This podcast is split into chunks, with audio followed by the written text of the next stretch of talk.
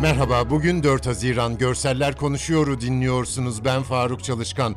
Fethullahçı terör örgütünün futbolda şike soruşturmasında kumpas kurdukları gerekçesiyle 88 sanığın yargılandığı davada karar açıklandı.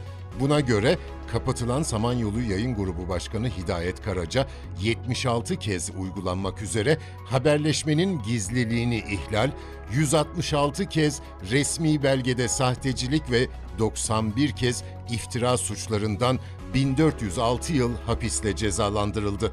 FETÖ'nün futbolda şike soruşturma sürecini başlattığı iddiasıyla yargılanan eski polis memuru Lokman Yanık, silahlı terör örgütüne yardım etmek, 91 kez uygulanmak üzere iftira ve resmi belgede sahtecilik suçlarından toplam 161 yıl 8 ay hapis cezasına çarptırıldı.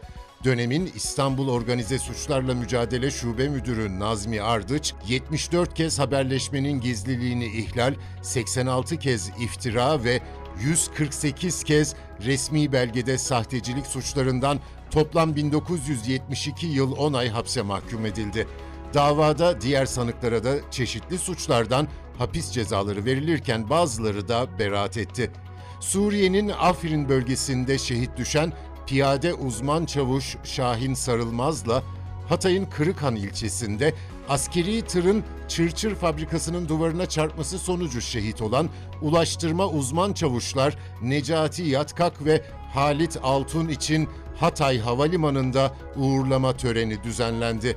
Törenin ardından şehitlerin cenazeleri hava yoluyla memleketlerine gönderildi. Basına kapalı gerçekleştirilen törene Vali Rahmi Doğan'la askeri ve mülki erkan katıldı. Sırada insanı başka dünyaya götüren fotoğraflar var. Mersin'de Toros Dağları'nın eteğindeki Gelincik Tepesi yamaç paraşütü yapmak isteyen yerli ve yabancı adrenalin tutkunlarına ev sahipliği yapıyor. Yenişehir ilçesinin Emirler mahallesindeki tepe kentin uygun iklim koşulları sayesinde 4 mevsim yamaç paraşütü tutkunlarını ağırlıyor.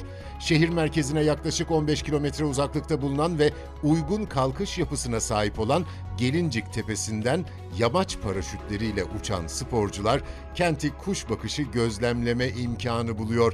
Fotoğrafta 3 paraşüt ve onlardan sarkan insanlar görüyoruz.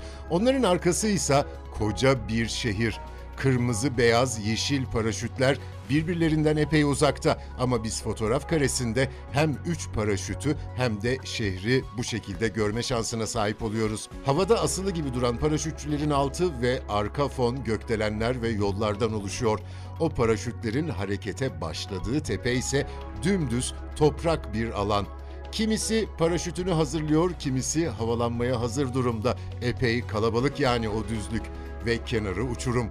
İşte orası paraşütle kendilerini bıraktıkları uçsuz bucaksız ovayı ve şehri yukarıdan izlemeye başlayacakları nokta. Bugünlük bu kadar. Bizi hangi mecrada dinliyorsanız lütfen abone olmayı unutmayın. Hoşçakalın.